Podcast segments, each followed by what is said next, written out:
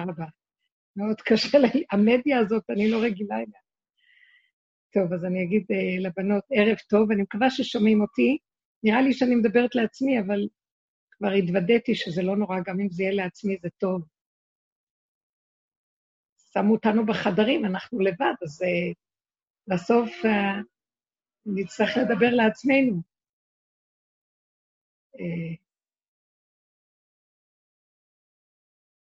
לפני uh, כחצי שעה היה לי שיעור... רבנית, ערב טוב, שומעים אותך. שומעים אותי נהדר, אני צריכה מכן מדי פעם איזה איתות. אפילו איזה צווחה או איזה צעקה, משהו, העיקר שיהיה סימן. אז בכל אופן, אני שמחה, כן. אני אומרת, היה לי לפני איזה חצי שעה קבוצה של בנות... אה. יש לי קבוצה של בנות מארצות הברית, שמדי פעם אני עושה איתן גם כן שיעור בסקייפ, והם אה, שאלו אותי קצת על העניין של מה קורה ומה קורה פה ולמה זה כאן, והשם נתן לי דיבור, אולי שזה קצת מיועד אליהם, אבל בהחלט לכל דבר יש בו גם שייכות אלינו. ואמרתי להם שעבודת הצמצום של הדרך שלנו, שהיא מביאה אותנו למדרגת היחידה, שעד שנוגעים בגולם, אז השם שם לי לשים שהגולם הוא בעצם בית המקדש של השם בכדור הארץ, בארץ ישראל, בירושלים והר הבית. וכמו שאנחנו שואפים בעבודת האמת להגיע לגולם שלנו, זה נשמע מילה נוראית, אבל זאת עבודה מדהימה מה שעשינו, שאנחנו לוקחים את הדעת שלנו, אלו אנשים שערומים בדעת, ומביאים את הדעת לבהמה, ליסוד הגולם. צמצום אחר צמצום, לפרק את הדעת. קל לדבר על זה, אבל בכל אופן, אנחנו נמצאים במקום שהעבודה הזאת, שחזרנו אחורה, אחורה, אחורה לעצמנו, החלישה לנו את הכוחות, החלישה לנו את הדעת, החלישה לנו את הישות, ונשארנו המון מכלי השכל נופלים, הזיכרון והפרשנות והמשמעות והשיפוטיות והביקורת נופלים, והאדם נשאר כמו ילד קטן, שהוא ריק ויש לו משהו נקי בפנים. הריק הזה והניקיון הזה והגולמיות הזאת, זה הבחינה של בית המקדש. זאת אומרת, המשכן, הוא היה כלי ריק, שבתוכו הכניסו את הכלים, ו... ואז נכנס הכהן לעשות את עבודתו. אז אמרתי להם שכל עבודת הצמצום שאנחנו עושים, תכליתה להביא אותנו לגוע בגולם, כדי שיהיה מקום להורדת האור הגנוז, שזה, שהיה יורד בקודש הקודשים. כשהשם שולח, אז אמרת, איכשהו השם נתן לי לקשר שכל התכלית של עם ישראל, כל התכלית של מתן תורה, כל התכלית, בוא נגיד, של, שיהיה להשם עם, כל התכלית שתינתן התורה, כל התכלית של המדבר ב-40 שנה, וזה, במילים אחרות, כל סוד הגלויות בכל הדורות, שזה 40 שנה, זה, זה מושג כללי, ותשקוט הארץ 40 שנה, בספר שופטים כל הזמן יש אחרי כל הפעולות, ותשקוט הארץ 40 שנה. 40 שנה זה מושג של שלמות הסיבוב. כל התכלית של זה, זה להגיע לארץ ישראל, להגיע לירושלים, להגיע לבניית בית המקדש. בשירת הים, פרשת, האזי, אה, פרשת אז ישיר משה פרשת בשלח, ספר שמות. אז אומר, אה, שמוע מרגזון, חילה חזה שפלשת, אז נבהלו אלופי אדום, תיפול עליהם מטה ופחד, עד יעבור עמך השם, עד יעבור המזוקניתא. תביאמו ותטהמו בהר נחלתך. מכון לשבטך פעלת השם, מקדש השם כוננו ידיך. אנחנו לפני כן רואים שעם ישראל לא דיבר בכלל על בית המקדש, לא דיבר על שום דבר מהסוג הזה, הם היו עבדים במצרים. לפני כן הם היו בחינה של שבטים, בני ישראל, שיצאו ממצרים מבית עבדים, והם בפני מעבר ים סוף, ונעשה להם נס מופלא שנקרא קריאת הים, שהם שם כל כך התפעמו, שיצאה מהם שירה, שהיא השירה של עבר, היום היא עבר לגבי דידנו, היא גם שירת העתיד. כי כתוב, אז ישיר משה, שזה עתיד לבוא, תבוא השירה הזאת שוב. מה כתוב שם? כל העמים שנבהלו, כל הקריאה הזאת, כל הנס המופלא היה, מה תכליתו? תביאמו ותתאמו בהר נחלתך. מחול לשבטך פעלת השם, מקדש השם כוננו ידיך. הכל בשביל העלייה לארץ ישראל, הכל בשביל להיות פה, להמחיש פה את התורה, פה את המצווה, פה את הקיום, וכל זה בשביל בית המקדש. מה שכתוב במשנה, עשר קדושות, אחד מלפנים השנייה, כן? ארץ ישראל מכל הארצות, ירושלים יותר זה, לפני החומה, וכן הלאה וכן הלאה, עד קודש הקודשים. בית המקדש. אנחנו צריכים להבין המקום המקודש. מה זה מקום מקודש? הוא הכי גולמי, הוא הגולם של השם. הוא מבוטל כולו להשם. הוא גילוי עולם האצילות ועולם העשייה. גילוי, מה זה עולם האצילות? אני אגיד מה שאומר הלשם. גילוי עולם האצילות. עולם האצילות זה מלשון אצלו, שהנשמות שחיות בעולם האצילות, הרובד הזה, הם אצלו תמיד. זאת אומרת, השכינה תמיד נמצאת שם. היצורים שקיימים שם, אם בכלל, אין להם נפרדות בפני עצמם. כל עולם וסוג היצורים שלו, אין להם נפרדות. הם שייכים, העולם האצילות כל כולו נמצא אצל השם. אין לו אני מצד עצמו, אלא הוא והשם זה דבר אחד, אחדות.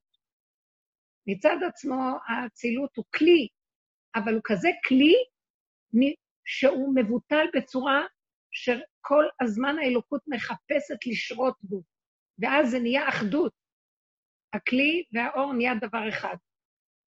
אז עכשיו, הבחינה של עולם האצילות, זה הרובד שלו, זה כלי ריק ששואף כל הזמן לאפשר גילוי אור אלוקי דרכו. זה התכלית של כל הכדור הזה. כל התכלית של חטא עץ הדת, להביא את האדם, לפרק את כל המסך המבדיל. לנו בעולם הזה, אין לנו קשר עם השם, אין לנו. יש לנו שכל במקסימום שיודע לדבר השם. יש לנו ידיעה שאנחנו מקיימים מצווה לכבוד השם. יש לנו פעולה שאנחנו עושים חסד לכבוד הרצון האלוקי שציווה אותנו. אבל אני והפעולה לא מאוחדים. אני לחוד והשם לחוד, והפעולה נפרדת מהבורא, כי בינתיים חוצץ האני, הגנב הזה התמידי, התודעה של האדם שנמצאת כל הזמן בתוכו, של עץ הדת, שנותן לו תחושה פרטית שהוא מציאות בפני עצמו. אז אין אחדות. תמיד יש האני, חוץ מזה יש השם, ועוד זה נקרא אדם בעל מעלה, שיש לו אני, שגם יודע שיש השם. זה היהודים הצדיקים, זה שומרי התורה ומצוות, זה החסידים, זה עובדי השם, תלמידי חכמים וכן הלאה. אבל להיות במדרגה של אחדות, שבכל דרכיך דאהו, שהתודעה האלוקית חודרת לתוך הבשר, ואנחנו נהיים באחדות איתה, זה לא קיים בכדור. והאור החדש שרוצה להתגלות, מטרתו להביא אותנו למקום הזה, כמו שהיה האדם הראשון לפני החטא. זה מציאות של ימות המשיח. להוריד את האור הזה בתוך כלים שמסוגלים להכיל את זה. אז הגולם הוא הבחינה של הכלי הריק לדבר הזה. בית המקדש הוא כלי הריק לאפשר לירידת גילוי שכינה פה באופן קבוע בכדור. וכשיש גילוי שכינה, זה תכלית הבריאה.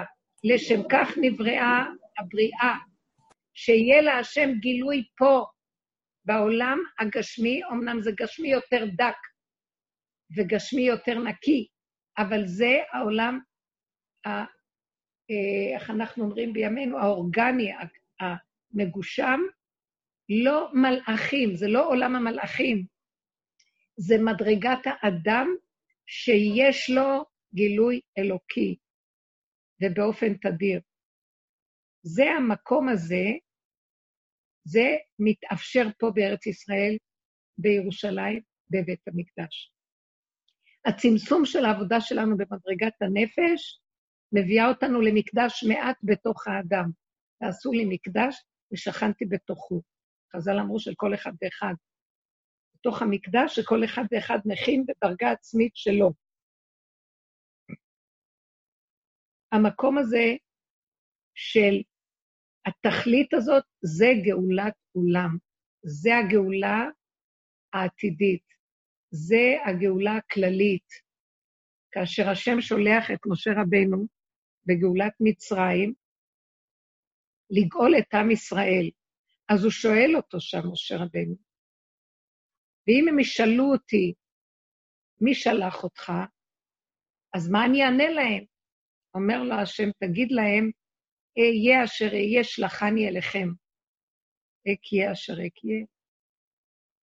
זה שם קדוש. אז משה רבנו שומע את זה ולא רוצה ללכת, מתחמק. למה הוא מתחמק? כי מהתשובה הזאת הוא הבין שהוא לא יהיה הגואל המוחלט כבר בגאולה הראשונה. הוא רצה לגאול אותם גאולה כללית, שיהיה התיקון הכללי, שיהיה גאולת עולם, אבל כשהוא שומע שהשם אומר לו, השם הזה, אקיה, א' כ', י' כ', אשר אקיה, הוא זה ששלח. זאת אומרת, שמה שזה עכשיו, זה לא מה שזה אחר כך. יש אחד עכשיו, כזה, ואותו אחד עתיד להתגלות שוב. אז הוא הבין שהוא כנראה יהיה רק בגאולה הראשונה, וישנה גאולה נוספת, אז הוא התנגד, הוא לא רצה. ובכן, אני רוצה קצת להתייחס לזה.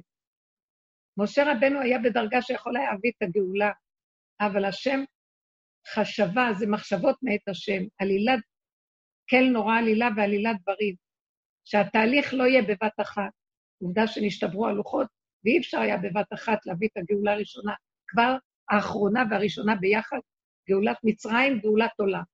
היה צריך את התהליך שבינתיים. ואנחנו עכשיו בימים של התהליך האחרון, אשר אקי השני, זה אור ש... שהאור הגנוז ירד, לא בדרגה שהיה משה רבנו. הדרגה של משה רבנו היה אור שירד עליו, משה רבנו עומד, מבחינת הדעת שלו לא מתבלבלת מגילוי האור הזה. הוא עומד ויכול לקבל את האור הזה בגדלות מדהימה. כלים כאלה גדולים להכיל את האור הזה היה לו, בית מקדש היה. השם אמר לו כזה דבר, מה שאנחנו מתבוננים בסוף הדורות. אתה מקבל, אתה גואל ראשון, עם דעת גדולה. משה רבנו מסמל את הדעת בעם ישראל. השם מקיע השני, זה אותו שם, אותו השם יתברך. אין שניות, חס וחלילה. זה אותו השם, אבל לעתיד לבוא אני אתגלה גם בגאולה האחרונה. איך אני מתגלה בגאולה האחרונה? אם הגאולה הראשונה הייתה משה רבנו בדרגת דעת, הגאולה השנייה תבוא מהבהמות הייתי עמך. לא יכולה להתגלות הגאולה של שם מקיע השני, שזה אותו שם, רק כאן זה בא מצד הדת, כאן זה בא מצד הבהמה. בהמות הייתי עמך. גולם, הגאולה האחרונה חייבת את הגולם שבאדם, חייבת מחיית הדעת. גם משה רבנו לא היה לו דעת רגילה של עץ הדעת, חס וחלילה. הייתה לו דעת אחרת, אבל משה מסמל את הדעת. העבודה שאנחנו עושים זה לקחת את הדעת של עץ הדעת ולפרק אותה לגולם ולהישאר בגדר בהמות הייתי עמך. זה מאוד קשה. זה גם אם האדם מעליבים אותו, לא רק שאני אגיד זה לא, שלא ייפגע, נגיע לכזאת מדרגה שאין לנו כוח להיפגע. אין לנו את תחושת החריפות של הנפגעות. יכול להיות שכן אנחנו מרגישים נפגעים, אבל זה, אפילו אם אנחנו יוצאים לרגע, זה לא מה שהיה פעם. כעסנו היה כעס עולם פעם. היינו יכולים לנקום ולנטור למי שמרגיז אותנו. היינו נשברים, היינו, חיינו לא היו חיים מבן אדם שהרגיז אותנו, לא יכולנו לישון בלילה. המוח שיגע אותנו. עכשיו יכול להיות שהגולם, ממה הוא נפגע? הוא לא נפגע מאיזו תכונה של שכל, הוא נפגע מנקודת הטבע הקטנה שסתרו לו אותה. סתרו לו את היסוד הקיומי שלו, וזה קטן, הוא יוצא לרגע וחוזר למקומו. הגולם הוא גבולי. השם אקיה, השני אקיה, אשר אקיה, שזה הגאולה האחרונה תהיה עם אותו שם שדרכו האור הגנוז יבוא, הכלים יהיו שונים. זה יהיה כלי גולמי, ריק. הכל צריך להתמעט, להתקפל, להתקטן,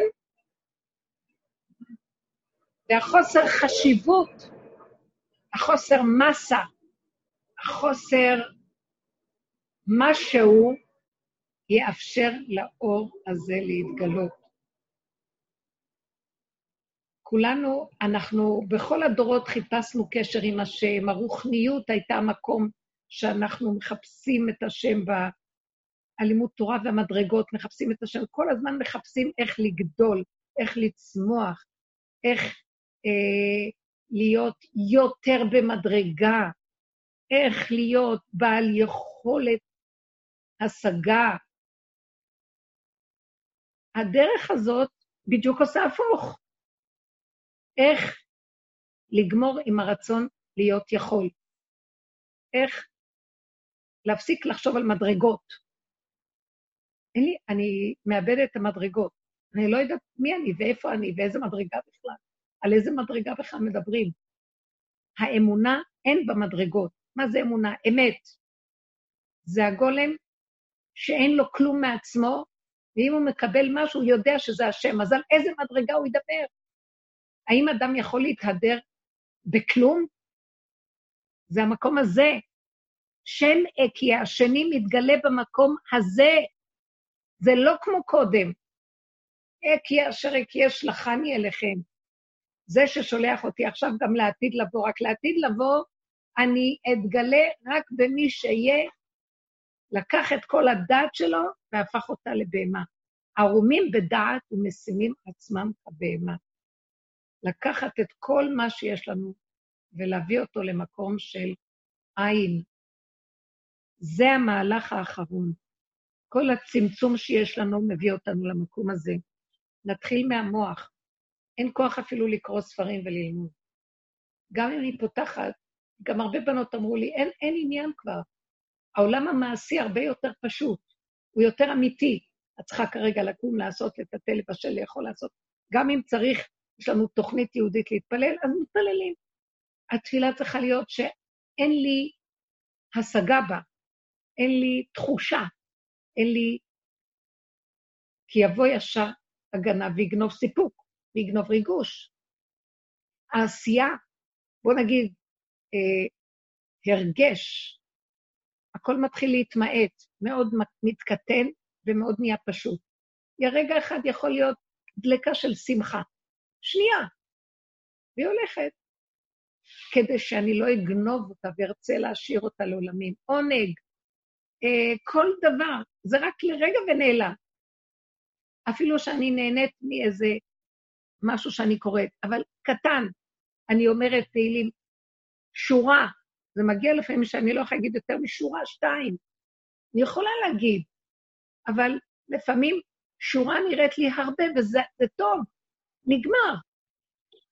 אה, אני יכולה להגיד הרבה תהילים, ואני לא אזכור אחרי רגע שאמרתי, אין לי רקורד, אין לי תאי אחסון, אין לי זיכרון, מה שנקרא זיכרון של הדבר, המאחסן של הדבר. זה הגילוי שלו יתברך. שם הוא מתגלה, במקום הזה ש... זה מקום הפוך ממה שאנחנו מכירים. אנחנו, בדמיון שלנו, בתודעה שלנו הגבוהה, אומרים משה רבנו, אוי, אני עוד מעט רוצה להיות משה רבנו. עוד מעט אני אגיע למדרגה כזאת. כל הזמן אנחנו מקנאים ורוצים להיות במדרגות. הגאולה האחרונה תצטרך להפך את פניה, כמו תינוק שאמרנו, שברגע שמגיעה הלידה, הוא עושה מהפך, היפוך, ומשתלשל החוצה עם הפנים שלו החוצה, לא הפנים לאימא שלו, פנים לעולם, פנים לבורא עולם, פנים לתודעה אחרת ממה שידע בבטן. אנחנו כמו בתודעת עץ לא, הדת אל בבטן. תתקעי סתם, אל תהיי שחקי סתם, תעברי עוד. הנה. מישהי מדברת איתי פה? אז אני אומרת, עד איפה הנקודה הזאת? וזו הכנה שהוא עושה לנו בימים אלה. בנות שואלות, לאן זה הולך? אין לנו ידיעה לאן, לקראת מה הולך הסיפור שאנחנו נמצאים פה היום. זה משהו שבלתי נודע. אין לנו איזו תוכנית, נגיד, טוב, עוד כך וכך, כולנו חוזרים לשגרה. דברים לא ברורים. אפילו יש איזו מחשבה, מישהו כאן עושה עלינו איזה תרגיל, ויש לו תוכנית עלינו. נראה לי שמישהי אמרה לי, אני חושבת שמישהו כאן בממשלה עושה משהו ככה בכוונה. אמרתי לה, גם הוא לא יודע מה הוא עושה, אף אחד לא יודע. כולם נכנסים למקום של תכלית הידיעה שלא נדע. אז המקום הוא בדווקא שלא נדע. זה מפריע לישות ולסדר הטבעי של המוח שרוצה לדעת. אבל אין סדר בתוהו ובוהו הזה. איפה מציאות של גילוי מציאות השם? זה לא הסדר של הטבע שאנחנו מכירים, שישה סדרים של המוח. זה... מה זה תוהו ובוהו? הדושר פעם הגדיר את זה, שהכינור הוא תוהו ובוהו. כלי, חומר גלם, כלי, כלום. כלי, הוא כלי, חייב להיות כלי, צינור, כיסא, מושב, הדום, משהו שישבו עליו, אבל אין לו מצד עצמו לאמור, אני כיסא, אני צינור. זה הבחינה האחרונה של הגאולה האחרונה.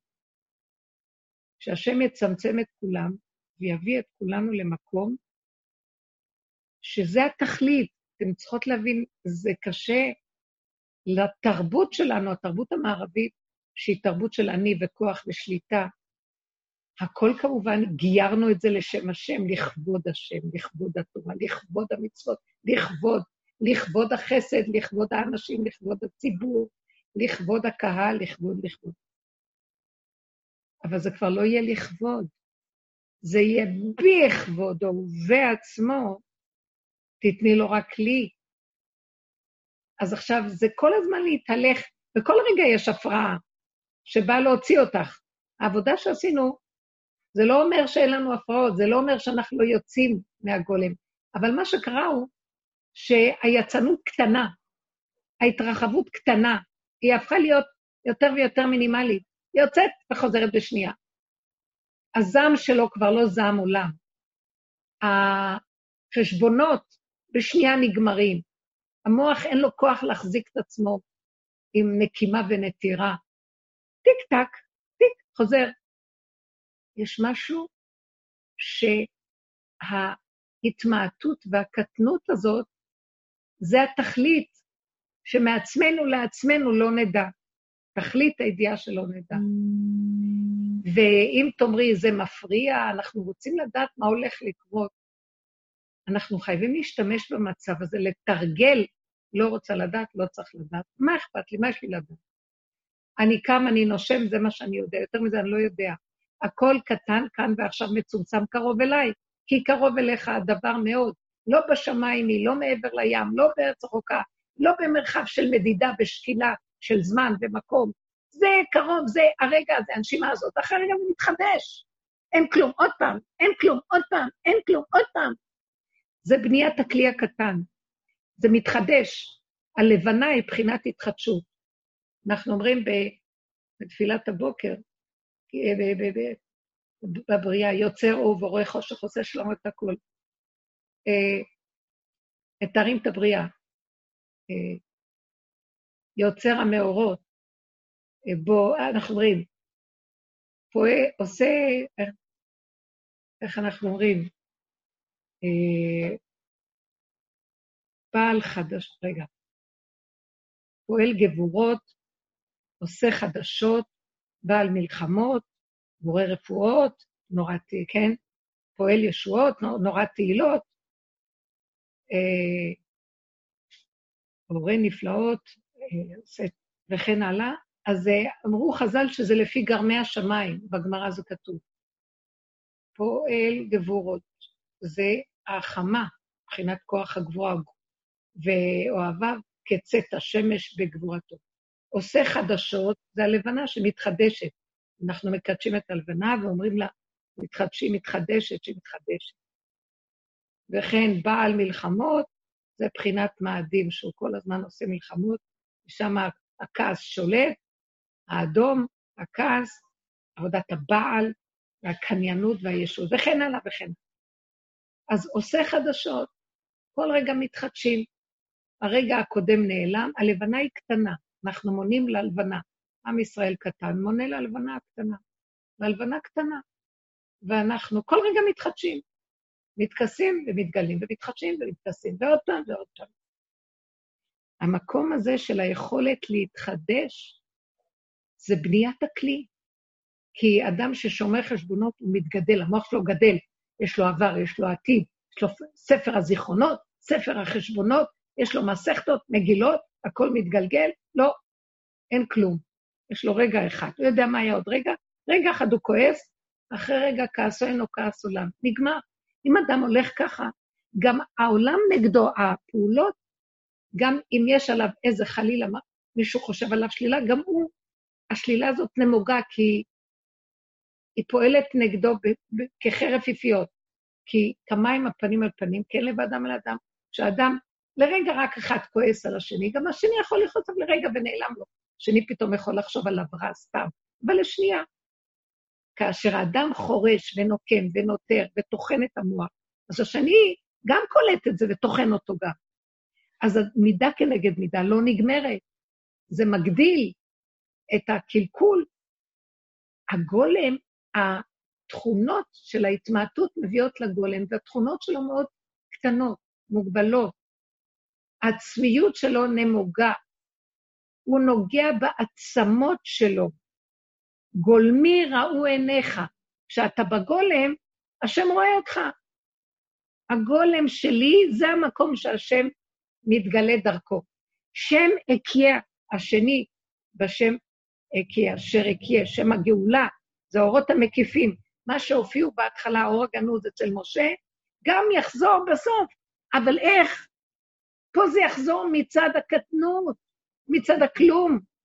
וכאן תהיה הגאולה השלמה. מהי הגאולה השלמה? שהשם בגדול והשם בקטן. ואני השם לא שניתי, ההוכחה שהשם בכל דבר יכול. אנחנו חושבים השם בגדול. מוישה רבנו היה גדול, גדול, הכל גדול. לקראת הסוף, מוישה רבנו גם יהיה הגואל האחרון, אבל הוא יבוא בקטנות. הוא יבוא בקטנות. הקטנות שלנו היא הכלי שדרכה הוא יכול להתגלות, ואז יהיה חיבור של הקטן והגדול, ויראו שהשם אחד. השם בהתחלה, השם בסוף, השם בגדול, השם בקטן, ואז יראו שאין גדול ואין קטן, אין עוד מלבדו והכל אותו דבר. אבל הבחירה של האדם והיסוד של גמר התיקון של האדם ועשיית האדם יהיה על ידי שהוא יביא את המקום של הקטנות, כמו שהראשונים הביאו אותו לגדלות בהתחלה, ככה גם האחרונים יביאו אותו לקטנות, ואנחנו הדור האחרון. העבודה שלנו היא הפוכה. אנחנו לא נלך יותר בגדולות ונפלאות, כי לא הלכתי בגדולות ובנפלאות ממני, אומר דוד המלך, אם לא שיוויתי ודוממתי נפשי כגמול עלי אמו, כגמול עלי אמו, כגמול עלי נפשי. תינוק, דוד המלך הניח את כל המדרגות שלו. הוא מסמל את המקום של הגאולה האחרונה. משה, הגאולה הראשונה, דוד, הגאולה האחרונה. משה ודוד התחברו באדם אחד, והכל דבר אחד. התורה והתהילים, זה חמשת חומשי תורה, וזה חמשת ספרי התהילים, זה הכל בדבר אחד התחבר, אבל הסוף זה הקטנות. כל עבודת האדם בסוף רק להפך את הפנים ולהתהלך בקטנות. עיניי בני אמני ארץ לשבת עמדי. דוד המלך אומר, אני לא גבה עיניים ורחב לבב, לא אוכל. גבה, אני לא, לא אוכל לסבול את הגדולים ואת החשובים שחושבים את עצמם. את אלה שיושבים בטוח ומסודרים עם הנקודה שלהם. עיניי בשפלים. אה, תכלית שבסוף הוא יביא את הגאולה לענבי ארץ. ענבים, הגיע זמן גאולתכם. העניין של הענבים, הענווה, הפשטות, זה המעלה של הדור האחרון. זה לא רק שנעבוד על עצמנו להיות ענבים, שתיפסק גם העבודה, שלא נדע בכלל אם אנחנו כלום. לא צריך לדעת איך שזה יהיה ככה. כי בהתחלה אנחנו עושים עוד עבודה. כל עבודת הדורות שעשו גדולי חסידות, גדולי עולם, עבדו כדי לפרק את המסכים של עץ הדעת של התאוות. החסידות זה, זה אנשי העבודה, המעשה, גדולי תורה, פירקו את הסבך של היער והמסכים שבדעת, והחסידות, גדולי החסידות, פירקו במידות את המידות הרעות, עשו המון עבודה עצמית. כל ההתגלגלות בשלג, כל עינויי נפש, כל העבודות במדרגות, היו כאלה חסידות גדולי עולם שלא לא, נלחמו נגד התאוות והיצר, לא להתגרד, לא לצרוך, לא, כדי להפיל את המסך המבדיל. עוד לא לא הייתה נגיעה בכלל באלוקות עצמה, רק כדי להביא את עצמם ליסוד הגולם. כשיש גולם זה כבר אין לאדם עבודה. השם מתגלה לבד.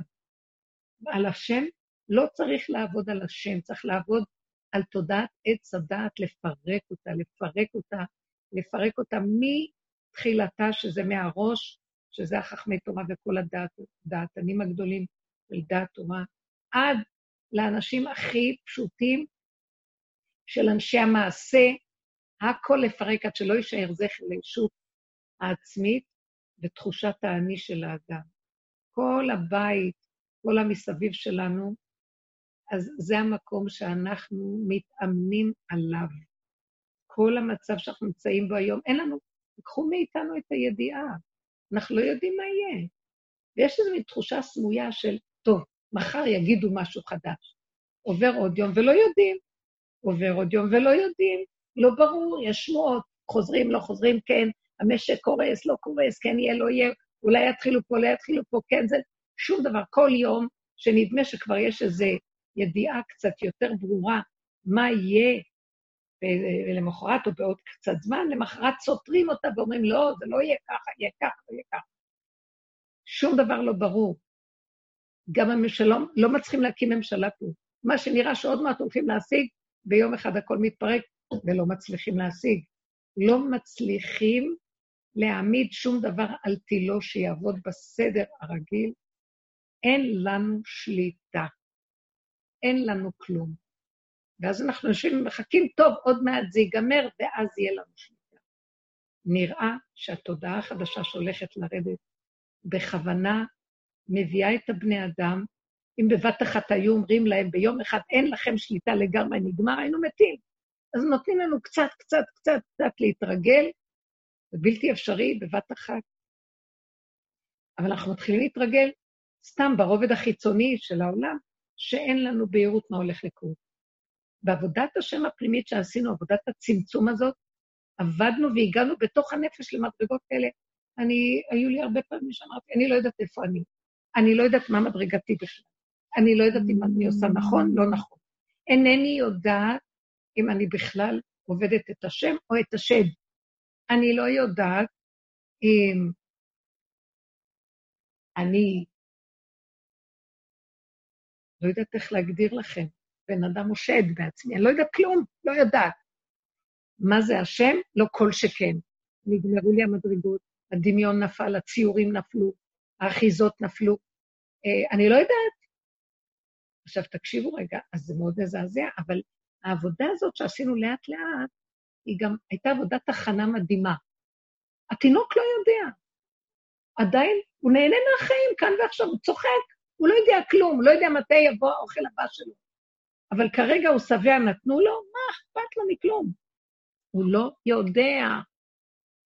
הוא לא יודע, יושב בחדר, אכל, שתה, נחמד, צחק עם הצעצוע שלו, לא יודע מי אבא שלו, מי אמא שלו. הוא לא מתגעגע אליהם אפילו.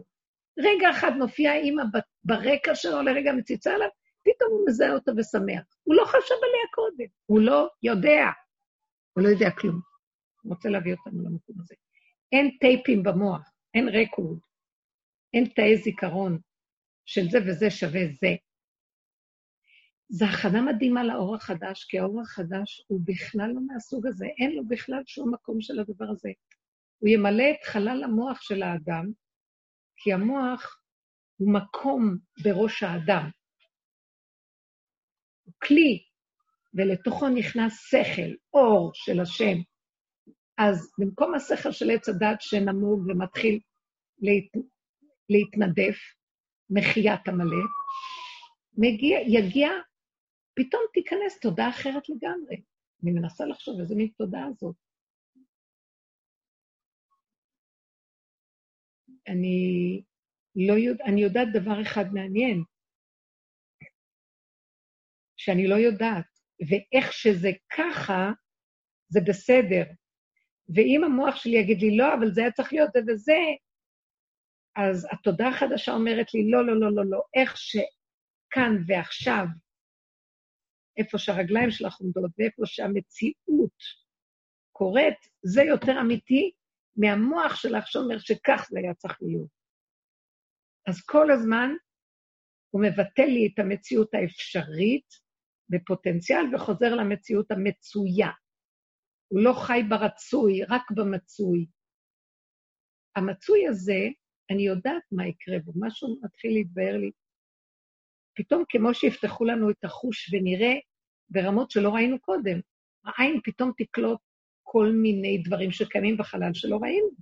האוזן תשמע קולות שלא ראינו, שמענו אותם קודם. מאחר ויהיה מיקוד כל כך של כאן ועכשיו, הכאן הזה יתעמק ו... ויתגלה בו כל כך הרבה ניואנסים, שזה יהיה פלא. את רואה את העלה של השיח, ואת רואה אותו עלה, אחר כך את יכולה לראות הרבה יותר ממה שאת רואה. תשמעי, אומרים על האריזל שהיה שומע את השפה של הציפורים, את השפה של הדקלים והעצים שהיו מדברים. החיות, הוא הבין אותם. תקשיבו, אנחנו היום לא מבינים כלום, מתים, כי המוח שלנו טוחן אותנו, וגונב לנו את החושים, ואנחנו לא רואים ולא שומעים. אנחנו רואים ברובד מאוד מאוד מאוד מסוים, מאוד עלוב. ולא רק זה שאנחנו רצים לסדר את המשקפיים, שנראה יותר טוב את העולם המקולקל, ולסדר מכשירי שמיעה שנשמע יותר טוב, מה שוטים אומרים מסביב. אבל היינו צריכים לכנוס פנימה פנימה ולדייק עם הנקודות. זה לא מנתק אותנו, מה שדיברנו בשיעור הקודם, מה, מהזולת. כי תבינו, בתודעת עץ הדת, הקשר שלי עם השני, אם יהיה לי משקפיים, אני אראה אותו, אני יכולה לתקשר איתו. באמת, באמת, הקשר האמיתי הוא לא נובע מזה שפיזית אני מדברת איתו בשפה המקובלת. יש קשר שהוא מעבר, הלוואי ונזכה להגיע למקום הזה. של התקשרות כזאת, שברגע אחד, אתם יודעים, זה מה שעכשיו קורה במחשבים, ברגע אחד את יכולה להעביר מסר לכל העולם, ברגע אחד את יודעת מה שאני חושב. ברגע אחד את רואה את השני לידך והוא בארץ בלתי נושבת מעבר השני של הכדור. עכשיו, אנחנו צריכים את המכשיר הזה, אבל באמת, באמת, האדם הוא המכשיר הכי משוכלל שקיים. דרכו תתגלה התודעה הזאת בתוך הכלי שלו, בלי אמצעים. שאינו תלוי בדבר, מה שנקרא. חוכמה שאינה תלויה בדבר. זו המדרגה שהולכת להתגלות באמת. יכול להיות גם הכלי הזה שאנחנו, כל הכלים שמשתמשים בהם, רק הם כל כך התנקו והתכנים יהיו כל כך פשוטים, שזה לא יהיה, זה, זה הכל יתגלה בתוך המציאות של כאן ועכשיו של האדם, בדרגות אחרות לגמרי. פלא פלואים. המקום הזה שתתגלה אה, מהות חד, חדשה לעולם. כל זה צורך קודם כל את ההכנה של הכלי. כל העבודות הקודמות של כל גדולי עולם היה רק איך להסיר את המסכים. והם עבדו בעולם הבריאה, להגיע לעולם אצילות, להוריד את האצילות, שזה יהיה פה, פה, פה. פה יהיה משכנו של השם בעולם. מי זוכה לזה? מעטים שבמעטים. רב אושר היה צועק, עולם הבא פה, עולם האצילות זה פה. זאת אומרת, הוא היה אדם כל כך פשוט, כמו עיקר פשוט, והוא היה כל כך פשוט, שהתגלה עליו האור הכי גבוה, מבחינת משיח.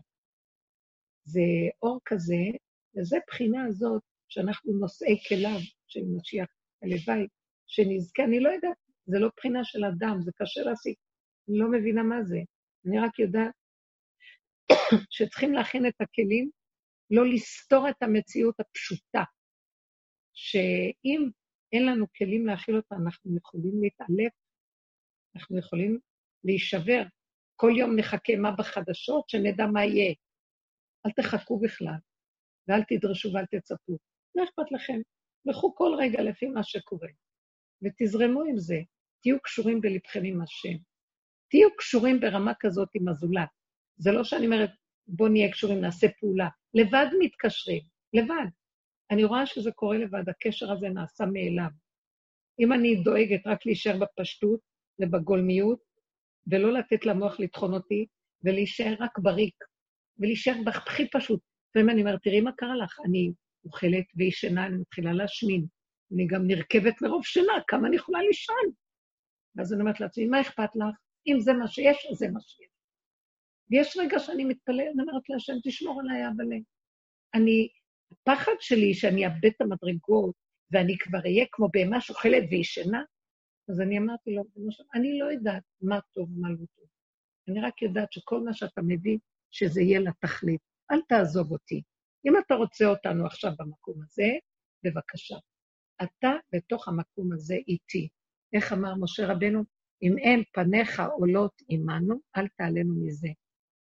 אני מבקש שכל מהלך שאתה מוביל אותי, עם העם הזה, במדבר, או איפה שלא יהיה, הכי קשה, כי זה עם קשה עורף, לא היה לו קל, הוא במקום אחר לגמרי, והם במקום אחר, אז הוא אמר, רק זה שאתה נמצא איתי בתוך זה, איתנו כולנו, נוכל להכיל אחד את השני. שם אני מבקש, את זה אני מבקש. אני לא אגיד לו, אוי, למה אני ישנה? שמע, אין לי משהו אחר. לקחת לי את האפשרות לקום בחצות, להגיד זה, לעשות זה, ללמוד, לעשות כמו עבודות של פעם. אין, אין. אה, לקחת לי, אני רואה את עצמי בפעולות הכי פשוטות. מה? מה נהיה ממני? מה אתה רוצה, ריבונו שלום? מה עשו לנו פה? מה הממשלה הזאת עושה לנו? נשאר בבתים, נשמין, נאכל ונישן? זה התכלית שלנו? שקט. אני אומרת לו, אני לא יודעת כלום. אתה רוצה שאני לא יודעת. אני רק מבקש ממך, שמה שאתה לא עושה איתי, אם זה פה ואם זה שם, ואם זה כאן, ואם זה בפנים ואם זה בחוץ, מה שלא, תמיד זה אתה תהיה שם, כי זה הכי טוב לי, כי אז אני יודע שאתה הכי יודע ואני יודעת מה, אני, יסוד האמונה, יסוד האצילות. עולם האצילות, שהעולם הכי גבוה, מעבר לעולם הבריאה, מעבר לכל עולם השכלים, שמה שקוראים פה גאונים, עלק גאונים. איזה גאונים? כסילים טיפשים. עולם האצילות, ההתבטלות בפני אינטליגנציה העצומה שאי אפשר להכיל אותה. מהי? חוכמת החוכמות, עילת העילות, זה בורא עולם. זה האור, האנרגיה האלוקית של הבריאה, נמצאת בעולם האצילות. אנחנו רוצים להוריד אותה לפה, שהיא תימצא בתוך האדם, בית המקדש שבאדם, ואז בית המקדש שבארץ ישראל. זה יציל את כל העולם מכל החולאים, מכל הקורונה הזאת, מהכול. אם היינו מקריבים קורבן, ואם היינו מביאים, זה קורבנות אה, הותרו, טומאה הותרה בציבור, היום לא צריך אפילו בית מקדש כדי להקריב קורבן. אם היינו מקריבים קורבן פסח, כבר הייתה גאולה פה מהקורונה הזאת. אבל אנחנו נמצאים בתרבות אחרת, אני אומרת לו, ריבונו שלנו. אז אנחנו נהיה הקורבן שלך. מה זה אני הקורבן שלך? אני לא מוכנה למות יותר. תשמע, אני מוכנה להמית את הישות, אבל אני רוצה לחיות עד גיל 400. אני אוהבת את החיים, חיים טובים נתת, איזה עצים, איזה פרחים, אוכל טוב, תודה רבה. ושיהיה לך כלי שאתה לא רוצה שנמות, כי, לא חפ... כי הוא לא חפץ במות המת, כי אם בשובו מדרכו וחיה, הוא רוצה כלי לשרות עליו. אז הנה הכלי שלך, עולם האצילות מתבטל לרצונו. אתה רוצה שאני אהיה בהמה? אני אהיה בהמה. אתה רוצה שאני אהיה זה? אני אהיה זה. אני עומדת מול השני, השני מרגיז אותי, רגע, אני עונה לו, אומרת לו. ולאחר רגע אני אומרת לעצמי, הגולם ענה, למה? כי יש עוד דבר כזה, גם בבית המקדש. אם היה נכנס לשם, חס ושלום, מישהו שאסור לו להיכנס, והזר הקרב יומת. אז יש כזה דבר, שהגולם יכול לקום ולהרוג את מה שלא נכון מולו. אבל רק לרגע, כי יש כללים גם לגולם. אז פתאום יוצא לו כעס, זה בסדר, זה כבר לא כעס של ישות עץ הדעת. כזה כעס לפעמים יוצא לנו. אז הכעס הזה, אני צריכה להיזהר ממנו, אומרת, אבל ריבונו שלם ברחמים, קטן, קטן ברחמים. זה כעס שהוא לא בא מעץ הדת והחשבונאות שלו, הנקמנות והשנאת חינם הנוראה הזאת. זה בא מהמקום של איך מולי, אתה עובר את הגבול ואתה מכה בגולם, תזהר לך, הגולם הזה, איכשהו אסור להזיז אותו, הוא גולם, מישהו סידר אותו שם. זה כבר, אתה לא מתעסק עם הבן אדם שהוא גולם, אתה מתעסק עם האלוקות שמתחילה להתגלות בגולם, אז הצעקה שיוצאת לגולם זה לעזור לשני לא לעבור את הגבול שלו. אז זה משהו אחר. במקום הזה יכולה לצאת מהגולם איזה תכונה טבעית. ושימו לב, היא תהיה קצרה ותחזור לאחוריה מהר. כי אה, לכלות את עולמי אתה בא, השם גם לא רוצה שהגולם יחריב את העולם. אז צריך להיזהר, כי הגולם הוא מידתי, הוא קטן. וזו הנקודה של הגולם, הוא מדהים. שם מתחילה להתנצנץ, האור האלוקי להתגלות בו, מתחיל להתנצנץ בו. לכן, בתוך מציאותנו, גם אם כעסנו על השני לרגע, או חשבנו מחשבה, רגע נגיד, לא היה ולא נברא, אין כלום, הכל בסדר, אין כלום. כל הזמן להקטין ולחזור, להקטין ולחזור, להקטין ולחזור. זה המקום מחבר אותנו לכל השאר. זה מחבר, כי ברגע שאין לך כעס עולם על מישהו, או נקמנות, או איזו מחשבה שלילית, אז גם על השני אין, זה הלא אחד מדביק את השני. המקום של הגולם הוא דבר מדהים. אנחנו הולכים לקראת המקום הזה עכשיו בבריאה. לאט-לאט יתחיל להיות מצב שהבני אדם, אפילו אם נצא בחזרה לעולם, אה, בזמן הזה שהוא הכניס אותנו פנימה, ונהיה שקט בעולם, ברווח הזה של בינינו לבין הרחובות, לבין העולם, לבין הפעולות, נכנס שם משהו שעשה איזו פעולה, נכנס איזה אור של השם ועשה כאן משהו, בלי שאנחנו יודעים. אז העולם לא יחזור להיות כמו שהוא היה. כי יש כבר רשימו של אור שירד, וחתך, קרט את הראש של הנחש. הוא עשה משהו פה, זה לא סתם, שכולנו כל כך הרבה זמן מתכנסים בבתים. יש כאן משהו שקורה. ובאמת, כאשר המשחית הזה עובר, והוא רוחני ולא רואים אותו, אסור לצאת, כי זה מסוכן. זה בעבור זה מסוכן, לא הקורונה זה סיבה, זה שם כזה. זה להגיד, האור של הכתר מסתובב, תזהרו. השם ירחם עלינו. לכו עם הכנעה פנימית. תצחקו גם, תהנו מהחיים, מה יש יותר טוב? תשנו, תשנו. רק אני מתעוררת, אני אומרת, כמה ישנתי השם?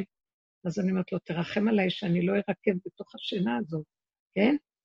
אם אתה איתי יושן, לא אכפת לי, תחבק אותי בתוך השינה, תהיה איתי בשינה. באמצע השינה שאת קמה, תהיי איתו. באמצע הנשימה את איתו. כל פעם שאת, תמיד, מה שלא יהיה, תאכלת. אכלנו המון, כמה אפשר לשבת ולאכול בלי לעשות תנועה? בכל אופן, אני אומרת לו, אבל זה אתה בתוך האוכל. ואם אתה נמצא, אז הכול בסדר, לא אכפת לי כלום. אתה נמצא שם. זה המקום של הגילוי, שהשם אהיה האחרון שמתגלה עלינו. השם הזה, שוב אני חוזר, שאמר שהשם, שוב אני חוזרת, שימו לב להבדלים. כשמשה רבנו, השם שולח אותו לגאול, הוא אומר לו, אם ישאלו אותי, מי שלח אותי, מה אני אגיד להם? אומר לו השם, אקי, אשר אקי אשלחני, תאמר להם שזה זה הנהגה, זה שם כזה אלוקי, הנהגה שולחת. זה מוזר, זאת אומרת, יש פעמיים אותו שם, שדבר שהוא עכשווי, וגם לעתיד לבוא. מכאן הסיק משה רבנו, שלא הוא יהיה הגואל האחרון, אז הוא לא רצה ללכת. הוא לא רצה להיות, הוא רצה להיות הגואל אחד ולתמיד, הוא לא רצה מדרגות בגאולה. אז אנחנו רואים כאן שמשה רבנו במדרגתו, שהיה אדם עצום, הוא עומד בדת עליונה ומשיג את השם בלי להתבלבל, לא כמו שאר הנביאים שהיו מתקפלים, לא יכלו להכיל את האור של השם, והודי הפך עליי למשחית, היו נחרבים. אי אפשר היה להם לקבל רק בשכיבה ובחושך את כל האלוקים. משה רבנו עומד, והשם מדבר איתו כדבר איש של רעהו, פנים אל פנים. מה זה האקיה השני, אקיה, אשר אקיה, מה לעתיד לבוא? אז החידוש שלנו כאן מטעם הדרך, שוב פעם, שהאקיה, השם השני, הוא לא יבוא כמו ש... משה רבנו. אם משה רבנו בא בגדלות, ההכנה לקבל את האור של אקיה תהיה דווקא בהפוך, בקטנות. לא יהיה גדלות. הגדלות תיעלם. עכשיו הסיבה והאפשרות לאותו אור אין סוף, שזה אקיה, זה האורות המקיפים הגבוהים להתגלות, תהיה רק על ידי קטנות הבני אדם. ושך גדלות האדם וגבות הנשים תיפול, ואדיר בלבנון יפול, והשם יגדע את רמי עקומה, ואדיר בלבנון יפול. הארזים הגבוהים, אזובי הקיר, אנחנו נשב בקאנטים, נהיה קטנים. תודעת עץ הדת, זה כל עבודה שעשינו, צמצום אחר צמצום. זאת עבודת אליהו הנביא שיבוא להכין אותנו שלושה ימים כנגד משיח. עבודה במידת הדין, בחוזק שהייתה לאליהו הנביא, בלי פשרות. מי להשם אליי? בלי פשרות. לגוע בנקודה עד הסוף. תחרב. אדם לא ימות, תמות, ימות השקר שלו, תודעת עץ הדת ימות, ימות הנחש, יהיה מחיית עמלק. אדם לא ימות. לא אמות כי אחיה, אומר דוד המלך, שעבר את כל המהלך הזה, לא אמות כי אחיה. כמו שאתה חי, גם אני חי. אני מתתי לתודעת עץ הדת, אומר הנביא חי, חי יודוך. מי זה שיכול להודות לך? מי שחי כמוך. מי זה חי כמוך? מי שמת למציאות של תודעת עץ הדת. רב אושר היה אומר דבר יפה, מאוד מאוד יפה. יש במשלי, אולי זה כתוב בקהלת, אולי במשלי, לא, במשלי אני חושבת. כי טוב לכלב החי מן האריה המת. יותר טוב שכלב חי מאשר אריה מת, כי הכלב עוד חי. כשהייתה ההלוויה של החזון איש, אז הרב שך, יחד עם חברים מהישיבה, חזרו בחזרה, והיו שכוחים שהגאון הגדול, החזון איש, נפטר והלך לעולמו, ועכשיו נשארו דור יתום. פתאום מסתכל הרב שך לזה שלידו ואמר לו, אז הארי מת, אבל הכלב עוד חי. אז אם הכלב חי, אז יש לו סיכוי, כי הוא חי. תראו מה זה, החיוב, מה זה המציאות שבן אדם חי. לא חשוב, בדרכה הכי שפלה, הוא חי, הוא עוד יכול להגיע למציאות של משהו. אז תראו לאיזה משהו רב אושר התכוון. אני לא מדברת הרבה על רב אושר, אני מדברת על הדרך. רב אושר היה אומר ככה, זה שמחשיב את עצמו פחות מכלב מת, הוא-הוא האריה החי. זאת אומרת שהתכלית של השם אקי השני, שזה הגאולה תתרחש בעבור השם הזה שיופיע, הוא צריך כלי שיהיה פחות מכלב מת, שיחשיב את עצמו פחות מכלב מת. אתם מבינים מה זה, איזה עבודה זאת? אנחנו הולכים בדרך הזאת כמעט עשרים שנה, אתם איתי בדרך, והתכלית מביאה אותנו, אומרת, לאן הגענו? כלום. מי שרק, כל מוצאני יהרגני, ביזיון אחד גדול, כל מציאותנו, כלום לא הולך לנו, סגור עלינו פה או שם, מתה החשיבות שלנו, אין לנו כלום. בהתחלה היינו כועסים, נבהלים, אה, מה זה הדרך הזאת, לא דרך הזאת, לא כלום. טוב, יש לך ברירה? פחות מכלב מת.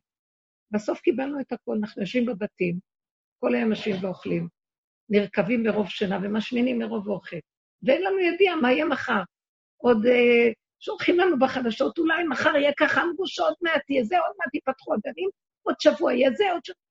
כל רגע עוד מכרעת ידיעה שסותרת אותה. לא, הסגר יתגדל ויהיה עוד שלושה שבועות. אף אחד לא יודע, אין איתנו יודע עד מה. השם לוקח מאיתנו את הידיעה. לא יודעים, לא יודעים, אף אחד לא יודע, לא יודע.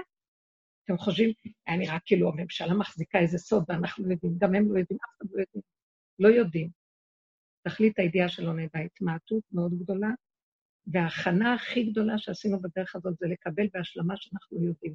מה אכפת לך? מוח קטן, כל בני אדם יצטרכו לבוא. אני חי עכשיו, אני נושם עכשיו, יש לי פחד מאיפה אני אשלם את זה, איך אני אעשה את זה, איך אני לא... לא, מה, אחד יש לו חוב, אחד עם המשכנתה שלו, אחד... אה, רגע אחרי רגע אני אומרת, מה, מה, מה נפחד? שיעשו איתי מה שהם יעשו איתי. אני זוכרת שהיה לי את המוסד, והיו לי כל כך הרבה ניסיונות. מה שלא הייתי עושה, לרצות את המוסדות ממשלתיים ואת הביקורות, כל יום ביקורת חדשה, חדשות לבקרים. לא הניחו לי רגע לנשום. והייתי בפחד, חרדה.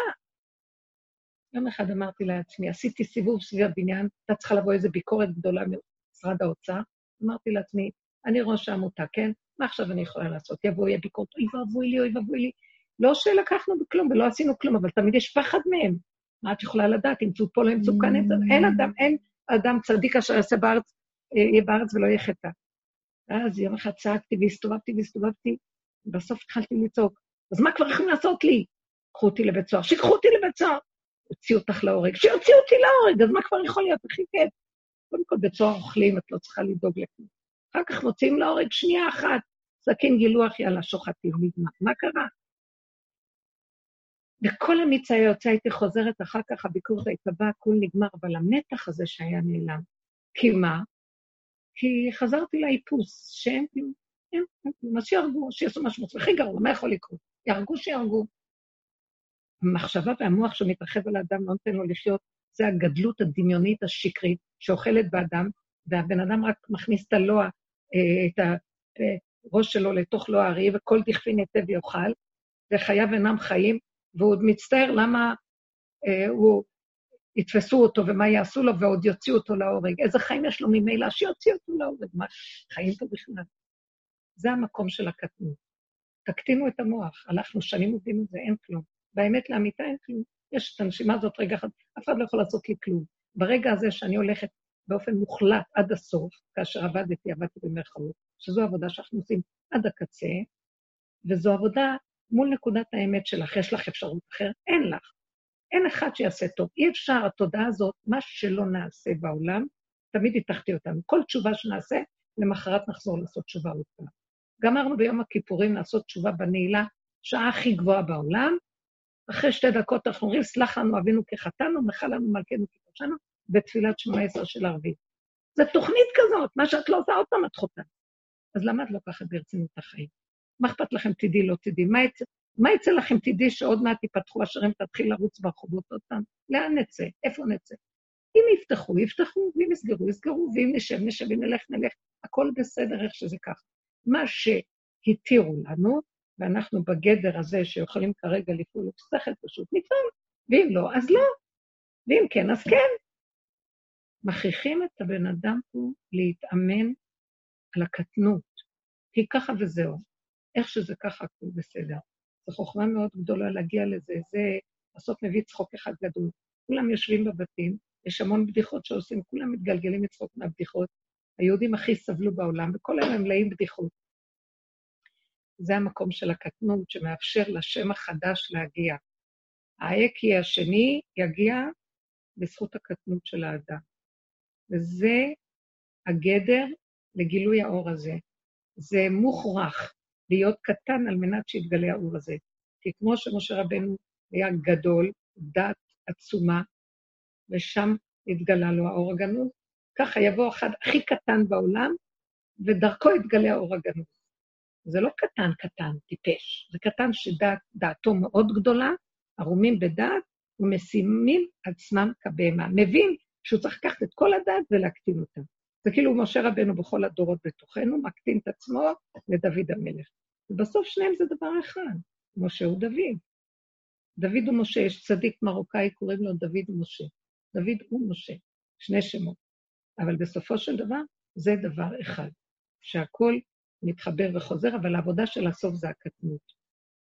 זה יסוד הנוקבה, וזה יסוד שבזכות נשים צדקניות עתידין להיגאל, זה המקום של ההתמעטות והקטנות. אני חושבת שדיברתי המון, אולי יש לכם שאלה, אה, הכנתי הרבה תשובות. אתן לא שומעות אותי. אולי לוקח להם זמן לשמוע את השאלה, בין השאלה למישהו שעולה, שומע. אז היסוד של כל מה שדיברנו, נחזור על זה, שבסופו של דבר, עבודה של הגולם, זה התכלית הנרצה, כי הגולם זה בית המקדש, זה גולם של השם. הוא גולם, כלומר, הוא, עולם האצילות זה הגולם. הוא מורכב משתי מילים, גו ולם. יש מלל בתוך הגולם. בתוכו יש מציאות שמחיה. ברגע שיש כלי שהוא מבוטל והוא, אין לו מגרמו, אין לו מעצמו. זאת אומרת, שאפילו אם היה לו, הוא עבד לבטל את מה שיש לו. מה שיש לנו היום זה תודעת השקר, תודעת הישות. אפילו שיש לנו ידיעות של אמת ותורה של אמת הכול, אבל תמיד נגנב עם העצמיות, יש לאדם חר... במידות, שנתבונן, נראה חרדה, פחד, דאגה, כעס, שנאה, נקימה, נטירה, נצחנות, וכחנות. מה לא? קבצנות, קמצנות, מה לא? כל המקום הזה לא מאפשר לאמת, לשכל של האמת שלנו לפעול נכון, כי תמיד יש משהו שגונב אותו. יש תמיד חרדה בתוך האדם וכן הלאה. אז כשאנחנו מתבוננים במידות האלה ועובדים למעט אותן, כמו שכל הדרך הזו שאנחנו עושים שנים על גבי שנים, בסוף אמ, לקחנו את הדעת והבאנו אותה לאדמה, ראש באדמה, לקחנו את הדעת, הכנסנו אותה למידות. ראינו, יש לנו דעת של וואו וואו, בשמיים, אבל uh, כשמגיעים למידות אנחנו ממש לא משתווים, אין נאה דורש ונאה מקיים, מי בכלל במקום הזה? שכל שהוא גדול מעל ומעבר, שטו בשמיים פיהם, ושולם לשונם תהלך בארץ, אין קשר בין השניים. אז החלק השני זה למעט את הדעת, על ידי זה שאנחנו רואים את הקלקול ואת הכסילות של התוואים ואת הדמיונות שלנו על עצמנו, ומהמקום הזה כל הזמן עושים תשובה עד שנגמרת התשובה, ומגיעים לגולם, כבר אי אפשר לעשות תשובה. למה? כי הגענו ליסוד הקטן, הסופי, של כל אחד והטבע הבסיסי הבסיסי שהשם נתן לו, כמו תינוק, לפני שהתקלקל עם תודעת עץ הדת, והגולם הקטן הזה, שיש לו טבע, הגולם של זה אינו כמו הגולם של זה, אינו כמו הגולם של זה. אבל נגמר הקטרוג, כי ככה השם ברא אותו. יסוד קטן איכשהו. ואפילו אם הגולם הזה יוצא עם תוואיו, זה יוצא רק לרגע וחוזר, והוא לא מזיק. כי ככה השם, ומשהו פועל דרכו. הגולם הזה זה בית המקדש. כתוב, והזר הקרב יומת. שהיה מתקרב משהו, מישהו מתקרב לגולם הזה, והגולם הזה הוא מדויק, עם היסוד הטבעי הפשוט שלו. אם מישהו בא כדי להשיג את גבולו, אז שייזהר מהגולם, כי פועל בו כוח שיכול להזיק, ויכול לפרק את השני. לכן אנחנו אומרים, הגולם זה התכלית, ואנחנו גם בגולם הזה, שיש לנו תודעה מתבוננת, צריכים להיזהר שגם טיפת כעס מסוכנת שם, יכולים להזיק לזולת במקום הזה, אז צריך להיזהר. לא, למרות שזה לא אנחנו כבר, זה איזה משהו, שמישהי, אני זוכרת שאמר לי, מישהי שאומרת שיוצא לה פתאום עם כל הקטנות וכל האיפוק שלה, כל הזמן יוצאים לה דברים, אמרתי לה, אז הגול שלך יוצא, זה לא, זה לא את, זה משהו בתוכך לא יכול לסבול יותר את מה שמסביב, והאמת יוצאת. אז האמת שיוצאת היא בסדר, אבל שזה לא יתמשך מדי, ושזה יהיה קצר. ותחזרי ליסוד הגול. הרבנית, הרבנית, אפשר לשאול משהו? כן, כן, תשאלי. הרבנית, זאת חנה. אמ, אני רציתי לשאול, אני מרגישה מאוד את המקום הזה של הגולם באמת, של מאוד הקטנות, ממש ילדה קטנה שכמו שאת אומרת, לא זוכרת כלום, כלום, כלום. מה שאני כאילו, מרוב הקטנות, גם אין לי כבר את המקום הזה, אפילו שיודע שזה לא אני, או שזה השם דרכי, או שזה השם דרך השני, אפילו גם זה נמחק לי. כאילו, נהדר, מדהים. ממש ילד קטן. לא, ואז אני אומרת, תקשיבי, אין לי כלום מכל מה שעברנו. כאילו, ממש ילד קטן שלא יודע שום דבר, פונה להשם, פונה להשם שיש לי איזה קושי, אבא תרחם עליי, אבל הוא אפילו קצת חזר לשמיים, כי אני כבר לא יודעת שהוא בתוכי או הוא בתוך... לא, הוא גם לא, הוא גם, את לא יודעת שאת אומרת, השם תעזור לי, אני, הוא כבר לא בשמיים. הפה שלי אומר, השם תעזור לי, אני אפילו לא יודעת מה הוא, אני אסור לנו לדעת כן, מה. כן. כי אף אחד לא יכול להשיג אותו. זה משהו מאוד שקט, מאוד פשוט, מאוד קטן. את והתינוק נהיה אותו דבר. תינוק לא מרים את עיניו לשמיים בכלל. הוא מחקה את הגדולים שעושים את זה בתפילה, אבל באמת, אנחנו לא במקום הזה, זה משהו מאוד פשוט, אשרייך. אני מזהה אותך, אני אגיד את השם שלך, אני אגלה מיד. מה, לא, זאת... המקום הזה של המציאות הזאת היא נפלאה. אני כבר, אני לא, אני לא מרימה, אני מרימה את עיניי לשמיים, אני מרגישה שקר בנפשי. הפה שמדבר זה בורא עולם, זהו. זה נקי. אם את... אני אפילו כבר לא יודעת מה ש... זה לא מדרגה קבועה, אבל את חווה חוויה נכונה. אני רואה, אני יודעת את זה מעצמי. זה המקום שמתחיל עכשיו לרדת אור חדש, הוא לא רוצה אותנו בידיעה. סגר את הישיבות שיש שם ידיעה גדולה. הוא סגר את בתי הכנסת שיש שם הרגשה נוראית הכי גדולה. אין, אין, הכל גנבות. בלי שנרצה, בני אדם גונבים. הוא רוצה את הבן אדם שלא יודע כלום. על זה דיברתי קודם לפני שנים. כל... לא יודעים, לא יודעים. אה, צריך לדעת להכיל את הלא יודע בצורה נכונה, לא במרירות, לא במה, אז מה יהיה, מה יהיה. ככה, איך שזה ככה זה טוב.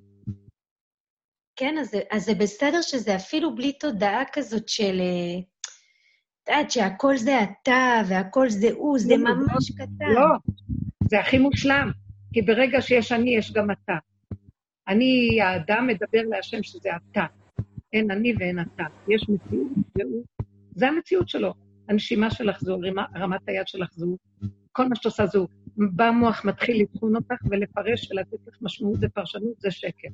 איך שזה ככה, תורידי את זה כל הזמן לאיך שזה ככה, זה בדיוק החוויה הזאת. הלוואי והיינו שם, זה רצון ושוב, אין מציאות קבועה במקום הזה, כי אנחנו בעולם ומסביב, והתודעה פועלת עלינו של המוח, אבל יש לנו כבר רגל בנצח. חוויה קטנה כזאת היא כבר חוויה שיש בה אמת מאוד גדולה, מאוד גדולה. וזהו זה, הוא רוצה אותנו שם. תכלית הידיעה שלא נדע, שלא נדע מדרגות, שלא נדע אה, מי הוא. כל עוד יש דעת, אז אדם יודע מעשה מרכבה, יודע לכוון, גם זה כבר לא. כלום, כלום. גולם, גולם אומר כן, מילה. כלום, כלום, כלום. אפילו המקום שכאילו, אפילו. המקום שכאילו, שאת אומרת שאת נושמת, זה הוא נושם, אפילו את זה הוא לקח לי. ידעתי את זה פעם ברור, אפילו את זה הוא לקח לי. כלום, כלום, כלום, הרבנית. אז יופי. אז זה בכלום הזה הוא מתחיל להתגלות. זה ההקיעה השני, קטנות כזאת קטנה, שזה התנאי שהוא מתגלה עכשיו. אנחנו טועים מה משה רבנו היה, אנחנו מדמיינים, משה רבנו הגדול, והשם דיבר.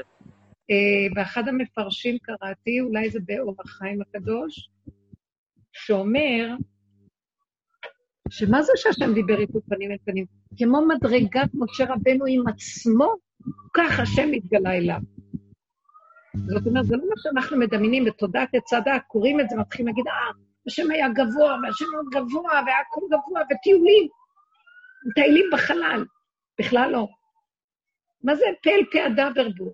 משה מדבר, והפה שלו זה הפה של השם מדבר.